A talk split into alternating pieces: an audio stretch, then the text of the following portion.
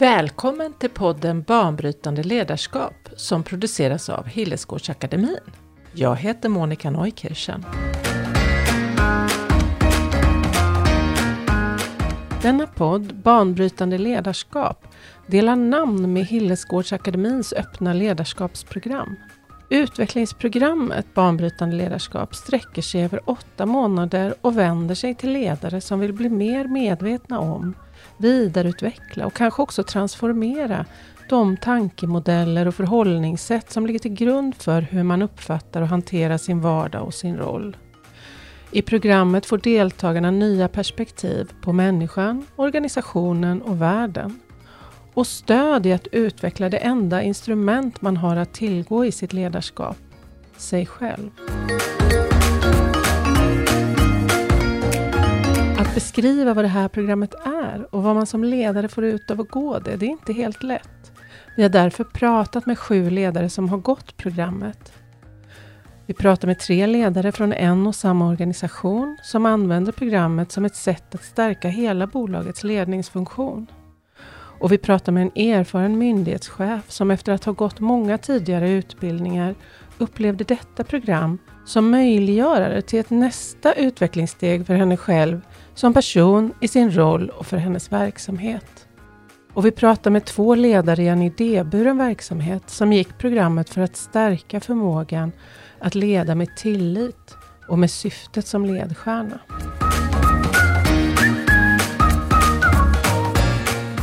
Vi pratar om vikten av gruppen och hur man kan skapa trygga hemmahamnar.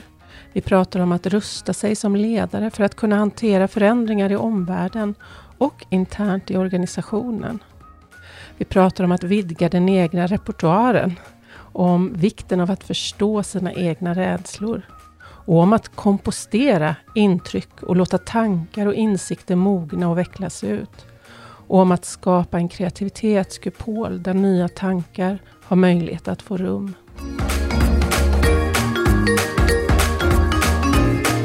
Detta avsnitt vänder sig till dig som är nyfiken på programmet Banbrytande ledarskap eller dig som är nyfiken på ledarskapsutveckling generellt. Utöver det öppna programmet som genomförs varje år stöttar vi i Hillesgårdsakademin också chefer, ledningsgrupper eller cheferna i en hel organisation med skräddarsydda program, utvecklingsaktiviteter och stöd i att bygga en intern infrastruktur för ett kontinuerligt lärande. Vill du veta mer om programmet Banbrytande ledarskap? Läs på vår hemsida hillesgardsakademin.se eller kontakta oss. Du kommer i detta avsnitt att möta tre chefer på ett kommunalt bolag, nämligen Stefan Wennerström som är vice VD, Lotta Leidberg som är affärsområdeschef och Sara De Vida som är bolagsjurist. Därefter kommer du träffa Katarina Laurén och Sofia Edgren som sitter i styrelsen respektive är föreståndare och verksamhetschef inom omsorgsverksamheten och LSS.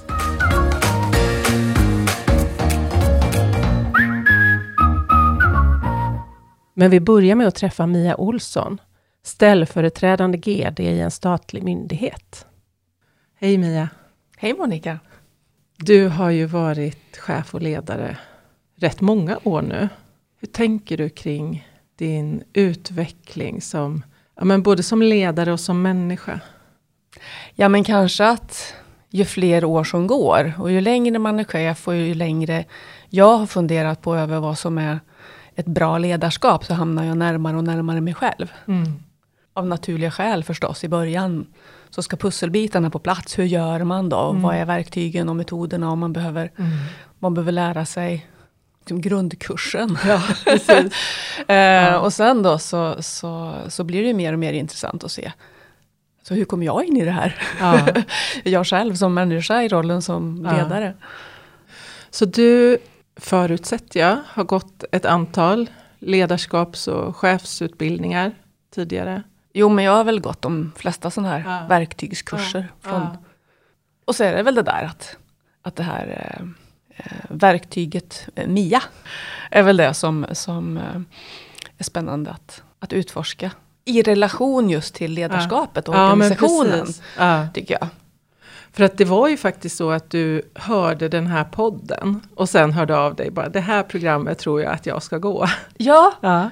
jo men det var någonting, för det, det är några år sedan som jag senast gick någon eh, vad ska jag säga, formaliserad liksom, utvecklings, Ja. något program eller Ja. kurs. Eller så. så kände jag att ja, men jag utvecklas jättemycket i jobbet och det händer så mycket spännande saker. Men äh, någon, någonting liksom pockade på. Mm. Och så hörde jag podden och läste lite och så kände jag, ja men Mm. attans det här är nog något som jag skulle vilja vara en del av. Kommer du ihåg vad det var du då såg framför dig eller vad det var som pockade på din uppmärksamhet? Jag tror att det var just att, eh, jag kommer inte ihåg hur ni formulerade det exakt, men vad det handlade om var att i ledarskapet så handlar det ju så mycket om att närma sig andra människor, att få andra att dra åt samma håll, att förstå syftet, att förstå uppdraget, att liksom jobba mot, mot samma mål. Och ska jag liksom förstå andra människor, måste, då måste jag förstå vad, vad är andra människors drivkrafter, förutsättningar, behov, rädslor, vad det nu kan vara. Och ska jag göra det så måste jag nog förstå mina egna. Och det där tycker jag att jag har tränat på. Men, men det attraherade mig att göra, göra det i den här ledarskapskontexten. Ja. Eller, Och nu är det ju, nu ska vi se, det är ett par månader sedan som du var klar med din programomgång. Hur, hur tänker du kring programmet och din resa genom det eh, nu med ett par månaders perspektiv? eh, ja, men det har varit en väldigt spännande resa. Och det har det varit eh, till stor del på, på grund av liksom innehållet och hur det är uppbyggt. Men jag tycker också det har varit så spännande att, att vi har varit programdeltagare från väldigt eh, olika sorters organisationer. Ehm, så det är väl en del. Jag tycker att den här eh, hur, ja, gruppen har varit otroligt viktig. Och man får ju, får ju metaforer. Jag kommer ihåg att en av de andra på, på det här programmet, som är just inom industrin, pratade om ja, men deras årliga driftstopp som var liksom serviceunderhållet av fabriken. Och det är apdyrt att sto- stoppa produktionen. Så Ja. det är Ja. minutplanering för att det ska, ska funka. Och när vi pratar om det där eh, så pratar vi sen om, ja, när har vi, det där är driftstopp mycket för maskiner och för prylarna och för, för, för hårdvaran om man säger så. De här driftstoppen för oss som, som människor, Ja. eh, för våra tankar, känslor, eh, relationer på jobbet och utveckling. Det där tycker jag var en spännande tanke. Att liksom ta med sig driftstoppstanken. Och det här programmet har väl varit ett driftstopp det. på ett sätt då i, i, i vardagen. Där man får chans att ja, men smörja och ta ett steg tillbaka. Var det någonting under programmet som överraskade dig? Jag vet inte om överraskade är rätt ord. Men någonting som jag har verkligen tagit med mig och förstått kraften i. Är att låta saker bero ibland. Eller som ledare är man så skolad eller drillad i det här att ha snabba svar, komma med lösningar. Man ska liksom leverera på, på osäkerheter eller eh, oklarheter. Och, och att en metod som vi har tillämpat under programmet är ju mycket att jag måste inte värdera eller ta ställning till allting i stunden. Utan vi har ju pratat om att kompostera, att lägga på komposten. Sånt som jag inte förstår eller sånt som jag känner mig förvirrad eller inte riktigt vet hur jag ska hantera.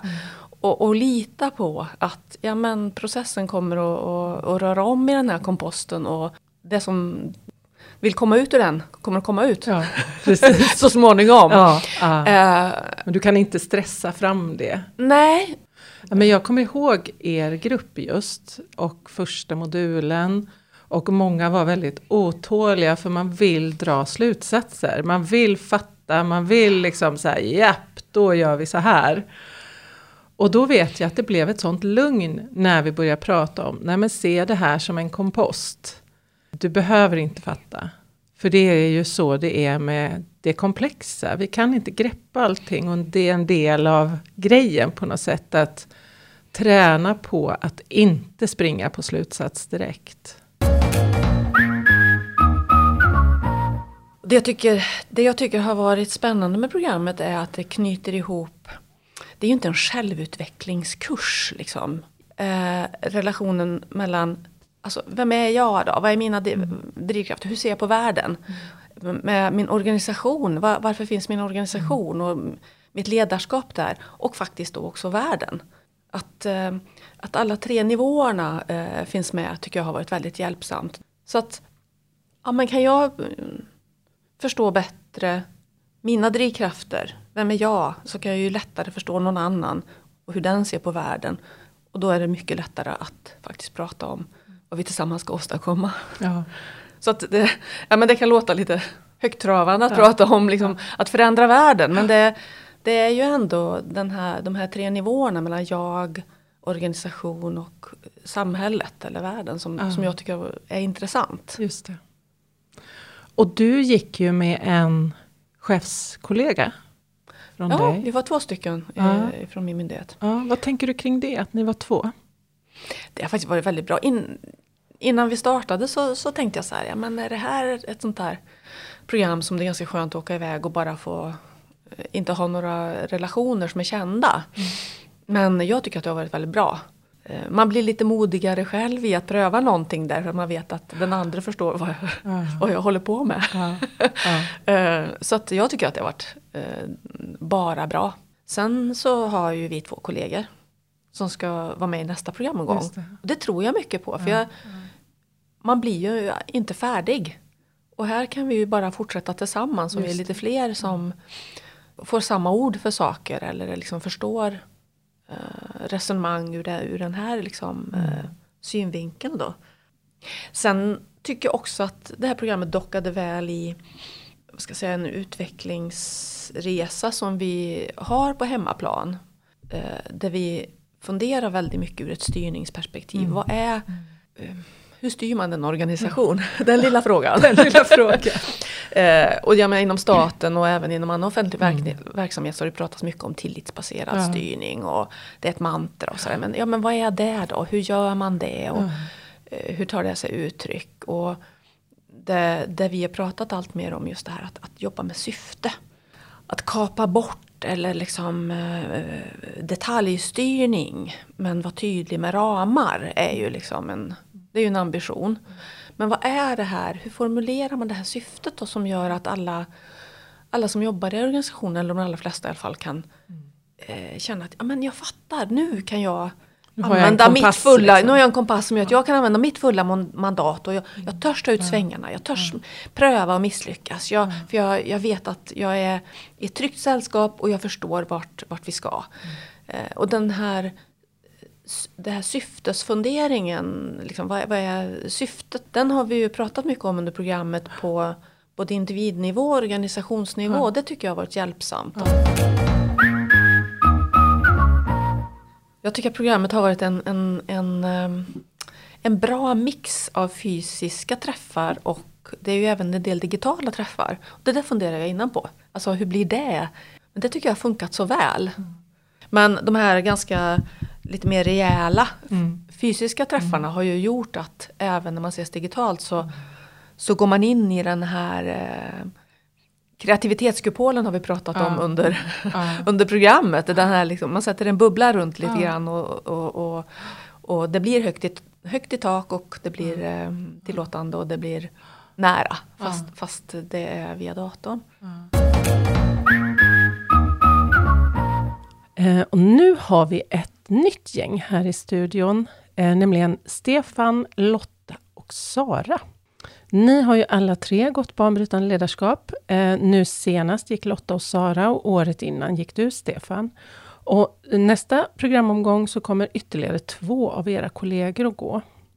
Och Stefan, du var ju först ut eh, och du gick banbrytande ledarskap eh, i samband med att ni också genomgick en stor förändring på bolaget. Ehm, hur ser du på det? Eh, och hur ditt och ert deltagande i det här programmet bidrar till den utveckling ni gör i bolaget och hela er verksamhet? Ja, timingen var ju väldigt bra där. Att vi, mm. eh, vi skulle ju göra stora förändringar i, i organisationen. Och då, då såg vi också det att det passar bra att utveckla ledarskap i det hela. och när jag började gå så, så visste jag inte exakt vad det skulle eh, innebära. Men efterhand så såg jag att det passade just väldigt bra i Eftersom vi pratade mycket om att stå i förändringen. Mm. Det handlar om att titta på sig själv, titta inåt, förstå sig själv bättre. Och när man har med människor att göra då, då är det ju ett jätteviktigt perspektiv då. Att man tittar på det och förstår sig själv för att kunna förstå andras reaktioner. Mm. Det blir ju mycket reaktioner i en när man ska förändra någonting som är i grunden väldigt stabilt då. Vi, vi, vi leder ju en eh, rätt så stabil eh, verksamhet som inte är så agil annars. Mm. Och då när det kommer sådana här stora förändringsgrejer eh, på gång då måste man rusta sig också för det. Mm. På vilket sätt upplever du att du blev bättre rustad för det, Stefan? Eh, ja, men I programmet så pratade vi mycket om, eh, vi pratade om rädslor. Eh, för alla har rädslor eh, och att det är rätt så grundläggande faktor som man måste ta hänsyn till för att förstå sig själv. Och när man började prata och fundera lite grann på det där så kunde man ju placera in dem lite grann i att okej, okay, så när jag gör så här så beror det säkert på någon rädsla någonstans i grunden och, och vad kommer den sig av? Och då är det, blir det lite lättare att hantera också, tyckte jag i alla fall. Jag skulle vilja lägga till där när du Stefan säger att det här icke-agila, den stora förändringen som vi gjorde och samtidigt då i en energivärld som har varit oerhört omtumlande med stark påverkan eh, på grund av kriget i Ukraina och det har varit helt eh, ja, väldigt dynamiskt på, på den fronten så har, vi, har det ju varit tryggt att fått någonstans stå stadigt, försöka stå stadigt mm. själv igenom det här. Så för mig har det varit oerhört viktigt. Eh, Stefan, du skickar ju mig på den här utbildningen och jag tror att vi har en kanske ökad förståelse. Vi kan ibland hänvisa till banbrytande mm. ledarskap när vi, när vi löser våra eh, ja, mm. problem och så. Lite det här som du säger med banbrytande, att det har blivit en, en sån här stående fråga, men när vi kanske diskuterar lösningar eller eh, infallsvinklar om hur vi ska strategiskt gå fram. Men är det här banbrytande? Det har blivit som ett, ett kodord i sig. Mm. Därför att det vilar så mycket i just det ordet. Mm. Banbrytande. Och det är ju det att man tänker, eller jag tänker när, jag, när man hör om ledarskapsprogrammet i, som vi har gått här. Man tittar inåt, man tittar på sig själv, att det är att man ska utveckla en mjukare sida av sig själv. Men det är inte alltid fallet tänker jag, utan det är att just kunna särskilja att här ska jag vara lite mjuk, här ska jag vara lite hårdare.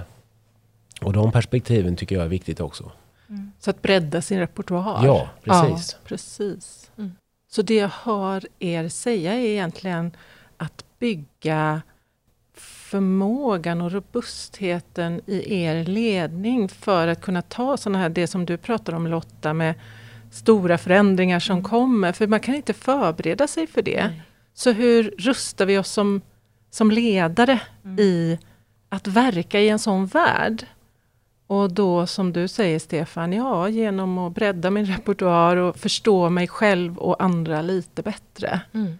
De här koderna som ni pratar om, Finns det, några mer, finns det några mer exempel på en sån... När vi sitter i, i bolagsledningen, Stefan, så har vi ju kanske pratat om varför någon del av verksamheten inte går framåt och så vidare. Och refererat till just det här, immunity to change. Vad är det som gör att man fortsätter det här beteendet eller eh, inte släpper en viss linje? Och man, hur man kan hjälpa den personen eller den eh, gruppen vidare i den frågan. Det är ju en sån här typisk kod, för att om jag säger det så förstår du exakt vad jag menar. Eh, och den, just den delen, immunity to change, den var den som slog an starkast i mig under mm. den här banbrytande mm. ledarskapsutbildningen. Om jag bara får sticka in med ett eh, litet förtydligande, för du nämner ju immunity to change, och det är ju inte säkert att alla vet vad det är. Och Immunity to Change är alltså en modell kan man säga som kommer från eh, Robert Keegans forskning om vuxenutveckling. Eh, och i den här modellen, eller det är egentligen en, en process kan man säga, som han har tagit fram, eh, där man får hjälp med att få fatt i djupt rotade antaganden som motverkar den förändring man vill göra. Och vi gör ju det här, den här processen då i programmet, där eh, vi guidar var och en genom en stegvis process, där man får utforska sina egna djupt liggande rädslor, kan man säga, som hindrar en i ens utveckling. Eh, och det, de rädslorna då är ett slags immunförsvar mot förändring. Eh, och du, Sara, sa att det slog an starkt i dig att göra den processen. Kan du berätta mer om det? Det gav mig jättemycket. Jag har varit inne lite på det innan, men jag har liksom inte strukturerat upp det så som vi fick hjälp med av er nu. Med den guidningen och att vi fick göra det i grupp tyckte jag var väldigt värdefullt. För att det tog inte så lång tid att förstå vad det handlade om. Och då kan man också tillämpa det som du säger Monica, när man i ett möte med en annan person. Och, och, vägleda med frågor till exempel bara. Det behöver inte vara någon stor övning eller man behöver inte göra någon stor grej av det. Eh, och jag tror det var det du var inne på lite också med rädslor. För jag kommer ihåg Stefan att när du kom tillbaka så sa du det att ja, men jag upptäckte ju att jag hade rädslor. Och det är väl det man hittar också i när man gör den här immunity to change övning, vad det än är. Så hittar man de här rädslorna som man kanske inte vill erkänna för sig själv, men som finns där. Och jag tror att, eller jag vet, att man gör sig själv en stor tjänst om man vågar se den rädslan i ögonen. Mm. Och det är ju en ständig utveckling. Ja. Eh, och det var en ganska lång process. Jag vet att när jag hittade min så, så var det, det tog, det gick inte på, på en sekund, utan Monica och jag hade många, mycket dialog om vad det egentligen var som vi skulle hitta. Sen när vi väl kom fram till vad det var så ramlade det bara på. Och det gick ju väldigt långt tillbaka eh, i just i rädslor och, och varför eh, man behövde göra den här förändringen.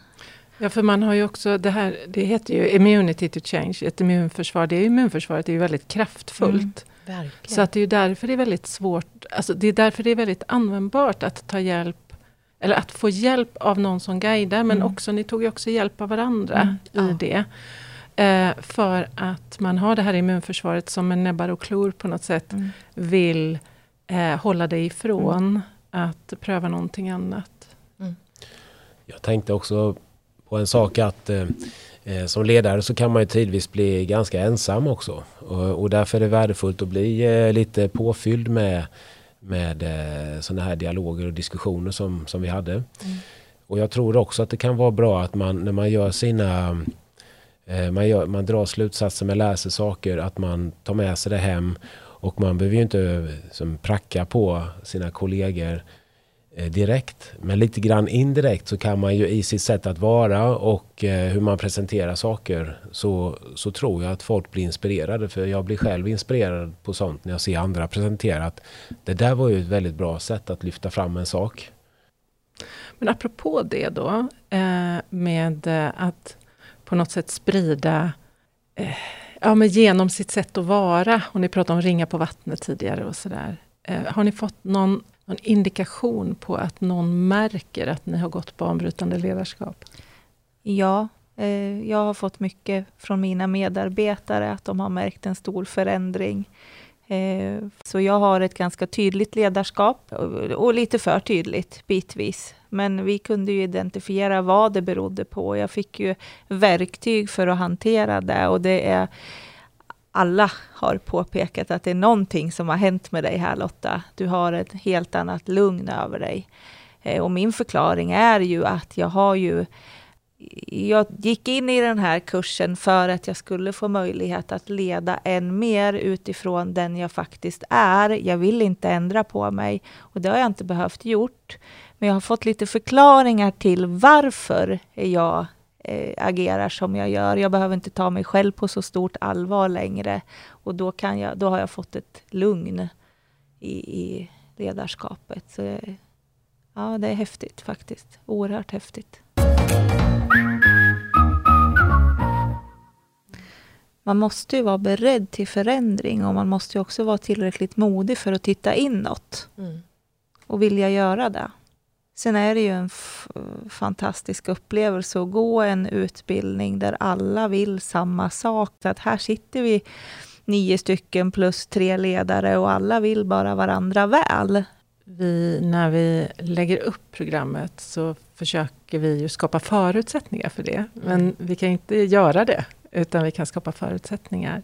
Och ett budskap är ju också, ja, hur kan du skapa förutsättningar i din grupp när du kommer hem? Och då tänker jag också att det underlättas att göra den där översättningen från en kursmiljö till sin hemmaplan. Liksom. Hur kan jag göra det här? Hur kan jag få det här att hända hemma?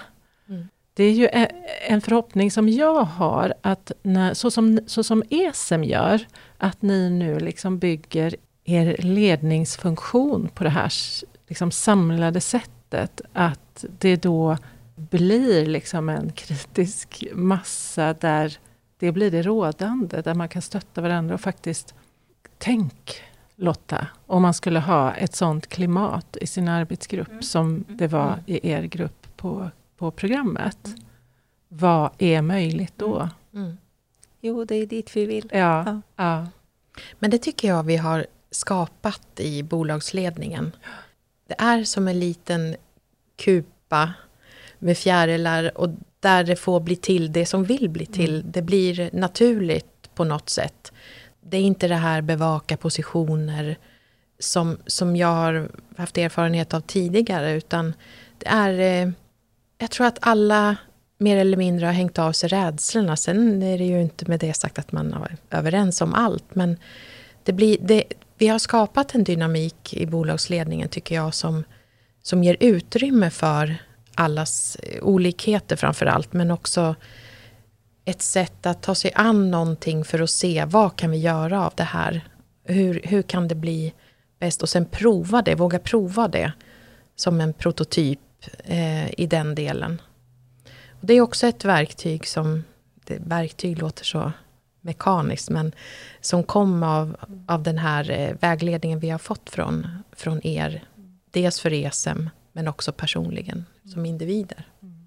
Och i just den formeringen som du nämner där så då hade vi också en övning vid tillfälle eh, med syfte att lära känna varandra lite bättre och där man gör lite djuplodande.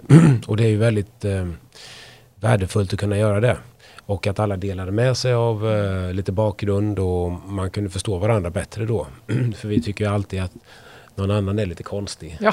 Men om man, om man om de bara hade skärpt till sig. Ja, precis. Ja. Nej, men jag tyckte det var värdefullt. I, I den grupperingen gjorde vi en sån övning. Var, mm.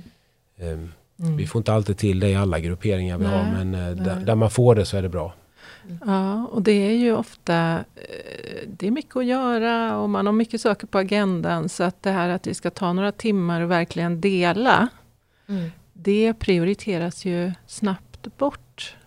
Så det kräver ju också ett mod mm. att faktiskt, eh, inte bara modet att dela någonting som är djupt personligt, eh, utan också som mötesplanerare. Att avsätta den tiden och säga att ja, vi måste spara pengar, ja, vi måste hinna med alla de här punkterna.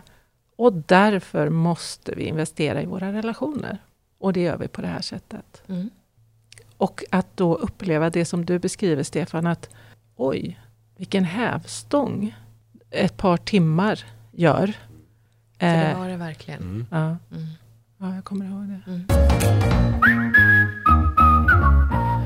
Och nu välkomnar jag Katarina och Sofia in i studion. Och ni båda jobbar ju inom idéburen omsorgsverksamhet i lite olika roller. Um, Sofia, hur tänker du kring din egen utveckling som ledare? Det har blivit tydligare med åren, tänker jag, ledarskapet. Man har ju gått olika ledarskapsutbildningar som har handlat om att visa med hela handen och bara liksom bestämma. Alltså sådär någonstans i en fyrkantighet. Och det ledarskapet har jag aldrig egentligen anammat. För att jag tycker att det är, jag tycker att det är lite svårhanterligt. För det krockar med min egen personlighet. På något sätt. Men sen på senare år så har det handlat mycket om det som vi har pratat mycket om. Tillit och eh, förtroende. Att faktiskt leda med tillit och förtroende. Och då har det krävts mycket mer egentligen utav mig i samtal. Och skapa den där tillit och förtroende för att kunna lämna över och vila i att lämna över ett eget ledarskap. Och det gäller både till, med, alltså både till de som jag ska, liksom, chefer som jag ska samköra med, tänkte jag säga. Ha med, men också medarbetare. Alltså att få dem att hitta sitt eget ledarskap. För jag tycker liksom att alla har sitt eget ledarskap. Och ansvar i sitt eget ledarskap. Jag ska bara liksom vara med och stötta. Och så valde du att gå banbrytande ledarskap. Ja, det tilltalade mig mycket för att det handlar om vem jag är. Alltså vem är jag som ledare och vem vill jag vara som ledare? Och vad är det som påverkar mitt sätt att vara som ledare? Alltså vad har jag med mig i livet som gör att jag är där jag är och gör det jag gör? Vad trodde ni att ni anmälde er till?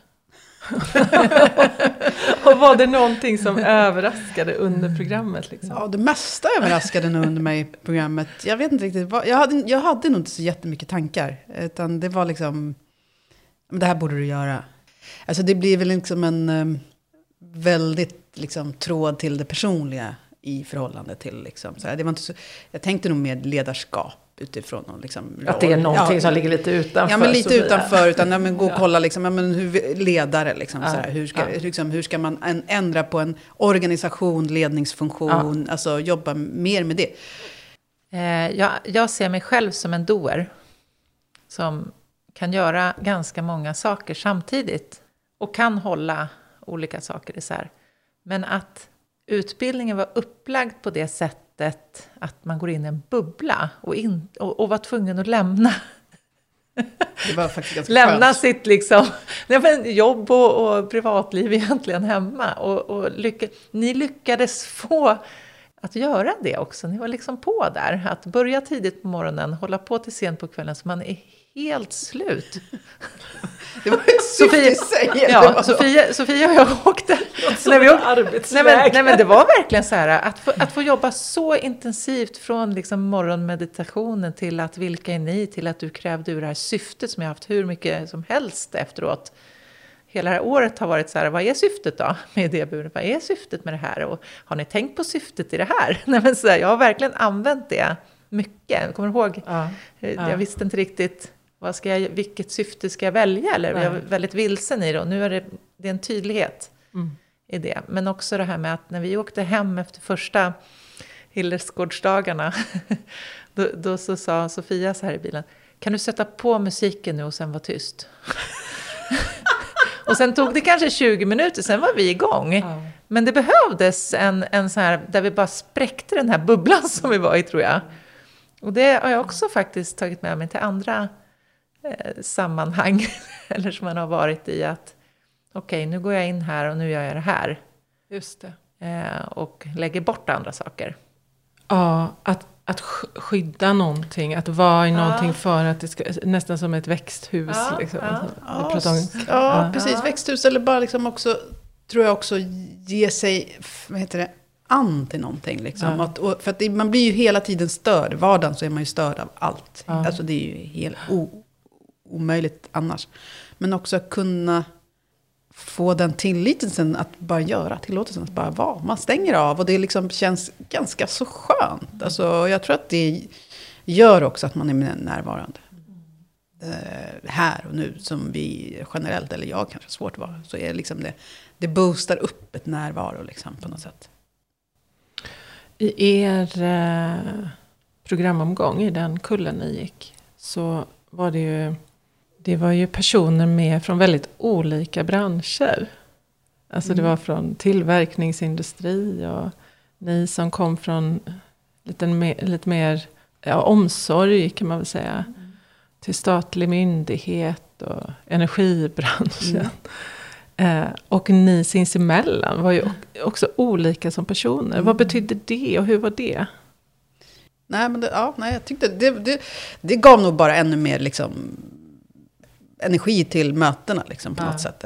Ändå att vi kommer från olika branscher. För att jag, man har ju suttit i många kurser och utbildningar där bara vård och omsorgsmedarbetare, föreståndare. Alltså det blir samma frågeställning. Liksom, sådär, ja, men varför och hur får vi folk att göra det? Alltså det blir samma... Här, blir, här hamnar man på en annan dimension tycker jag när man diskuterar. Liksom. Det handlar inte om sakfrågan utan det handlar mer om eh, ja, men hur är vi då? Så, ja. Men jag tänkte på det du sa Sofia också, det här med att vi är mer lika än vad vi tror oavsett bransch. För det märkte vi också i den här handledningen tyckte jag. det blev väldigt tydligt Mm. hur man kan ta upp någonting eh, som man är i. För då hade vi handledning i mindre grupper. Mm, I mindre Mm. grupper, ja. Men med tre stycken helt olikheter egentligen. Mm. Och sen kunna ge varandra nycklar. Vi hade väldigt bra, vi var väldigt överens i vår grupp att vi fick väldigt bra nycklar Av varandra. av varandra. Så om ni ska ta, liksom bara tänka på er respektive nyckelknippa med, med nycklar. Är det någon som, som sticker ut? Något du fick med dig från programmet eller något du var med om från programmet som du konkret liksom kan berätta om? Jag tyckte, alltså, jag börjar nu, jag tycker meditationen, eh, att stärka den i organisation. Jag kan meditera ganska ofta i form av att jag håller på med hästar. Och då rida ut i skogen eller sitta på en träningsbana och bara vara i sig liksom och göra det man ska just här och nu med hästen. Men här blev det mera arbetsrelaterat utifrån att det här kan, jag kan ta mina små pauser. Viktigt att ta sina små pauser. Och det, kan, det, det har jag fått med mig. Och när vi satt på Hillesgården i den här Ja, Eh, eh, när det ja men en blåste. liten paviljong. en liten paviljong är och, och vinden kom och ljuset kom och vad det spelar roll. För, och, och där blev det så tydligt att man kan göra det här precis var som helst. Hur länge man vill, hur kort man vill. Sen något som också stack ut var komposten såklart, har vi pratat om. Men sen också den här äh, aktivitetskupolen tyckte jag var spännande. Ja, Och den har jag också använt mig av en del, men behöver utforska mer. Behöver mer stöd i att fortsätta ja. med den. Att ha ett skyddat space egentligen för att kunna tänka nya tankar. Ja. Mm. Nej, men jag känner bara att jag har fått en, den här, mitt, mitt, mitt eget syfte med utbildningen var att få en stärkt, ett, en stärkt magkänsla. Att, att lita på sig själv mera. Eh, Jag är en stark person i sig, men ändå så kan man tveka på olika saker, att det kommer. Men lita på det som kommer ur en själv. Det är levande. Livet är Lev, levande. nej, livet är levande och, och det kommer nya saker hela tiden. Mm. Utmaningar. Vi är inga robotar utan... Jag tänkte att vi nu ska börja runda av det här avsnittet och eh, avslutningsvis då. Eh, vilka råd eh, har du som har gått programmet till den som funderar på att anmäla sig eller kanske redan har anmält sig till banbrytande ledarskap? Ja, om du funderar på att anmäla dig så gör det. ja, men det, det tycker jag faktiskt. Jag tycker att det här är en, eh, den, det är en jättespännande resa. Det är väl bra om man har jobbat ett tag som ledare eller som chef. Det- Jag tycker inte det är ett nybörjarprogram Nej. för Nej. chefer och ledare. Utan det är nog bra att ha, ha, ha prövat Ja. lite grann. Ja. Det är inte första kursen du går kanske. Nej. Nej, jag tror, jag tror det var öppen och följ med i flödet. Åk med bara. Och sen var beredd på att eh, vara modig och våga bjuda även på det man hittar inom sig själv och ge exempel och så. För jag tror att det stärker gruppen också. Och ehm, att man delar med sig.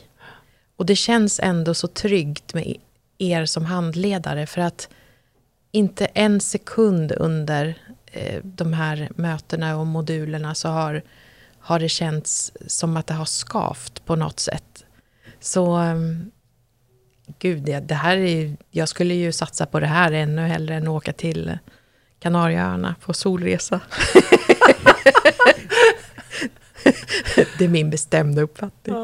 Eh, jag och flera andra skulle försöka beskriva det här för våra familjemedlemmar, kollegor, eh, vänner och, och det låter jätteflummigt, men det är det inte. Det, det är verkligen, men det är svårt att beskriva Ja. vad vi faktiskt gör. Ja. Mm. Eh, så så det- var, var inte rädd för den biten, utan var det, var, öppen. det var nog det jag tyckte var positivt, just att det inte var det här fyrkantiga, för att då blir man ju väldigt låst. Man blir inte direkt någon fjäril av det Nej. i första hand. Nej. Sånt kan man väl läsa sig till på Ja. egen hand. Utan det här är en helt annan typ av utvecklingsresa. Jag skulle säga, våga göra någonting som kanske är lite annorlunda än vad du tror att det är. Jättekufiskt. Men ge dig hän. Och eh, ge dig möjlighet till att testa andra varianter här i livet på något sätt skulle jag säga. Jag lägger till där bara i det du säger att våga ta bort rädslan också ur dig, att öppna upp dig. Därför att det som är där, det stannar där också. Utan det är bara för dig själv. Det är bara stärkande för dig själv.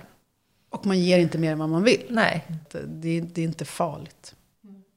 Och jag tänker nog, jag hoppas att jag inte säger emot mig själv nu när jag har varit så öppen i sinnet, men det har ju faktiskt gjort lite ont på vägen. Eh, och det, man måste ju vara beredd till en, alltså att öppna upp, våga titta inåt och vara beredd till förändring. Och det är ju inte alltid jättebekvämt. Men känslan av att göra det i en grupp där, där man faktiskt vill att jag ska lyckas gör ju det så mycket enklare. Och enklare är ett dumt ord, för det är svårt. Mm. Eh, men det här med puppa, eh, det gör ont att vara i det när man försöker kika ut och sen är ju, precis som allting annat, ledarskap är ju en ständig utveckling. Men absolut, eh, varm, varma rekommendationer. Ja.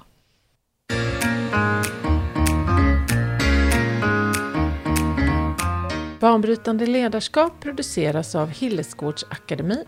På www.hillesgardsakademin.se hittar du fler poddavsnitt och där hittar du också mer information om ledarskapsprogrammet Banbrytande ledarskap och om våra konsulttjänster i Imago, banbrytande verksamhetsutveckling. Välkommen!